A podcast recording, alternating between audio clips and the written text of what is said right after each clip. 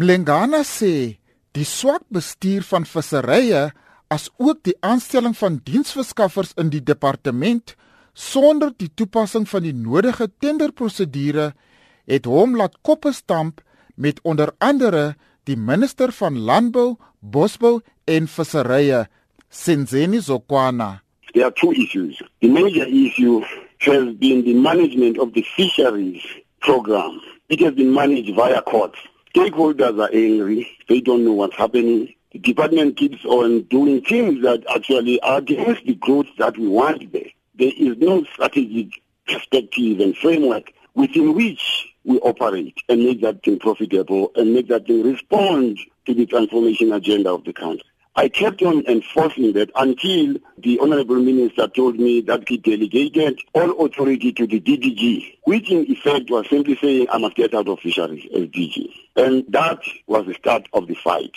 The next one is the appointment of service providers without proper tender advertisements. And I was vehement around that. And once I annoyed those people, I indirectly annoyed my principals. Op 'n vraag of die departement op die regte pad is in sy pogings om landbou te ontwikkel gegee sy ervaring sê Mlengana No, you can say that categorically without any contradiction. If you implement a strategy without getting input from the people who you are supposed to be assisting and you play the role of expert, I'm telling you that's anti-development. I'm telling you right now there is no leadership at this point.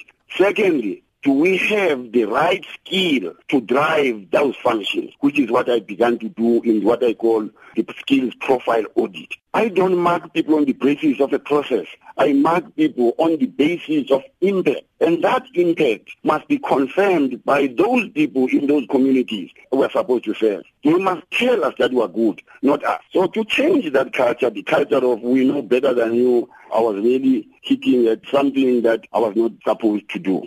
Volgens Mlengana, wat ook die voormalige president van die Landbouunie, Afasa was, het hy aanvanklik 'n goeie verhouding met Zokwana gehad. Hy sê hy is gereed vir enige dissiplinêre stappe wat die departement teen hom neem.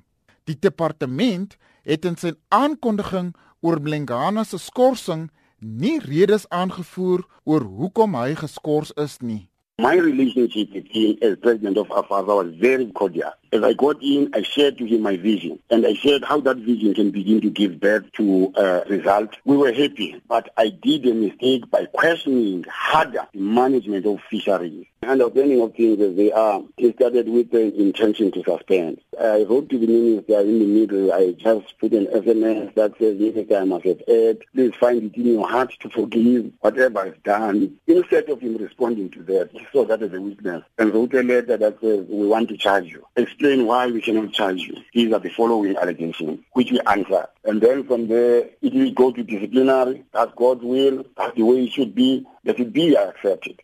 That was Mike Mlengana, die voormalige direkteur-generaal van die Departement van Landbou, Bosbou en Visserye. Ek is Malikole Gwatyu vir SAK nuus.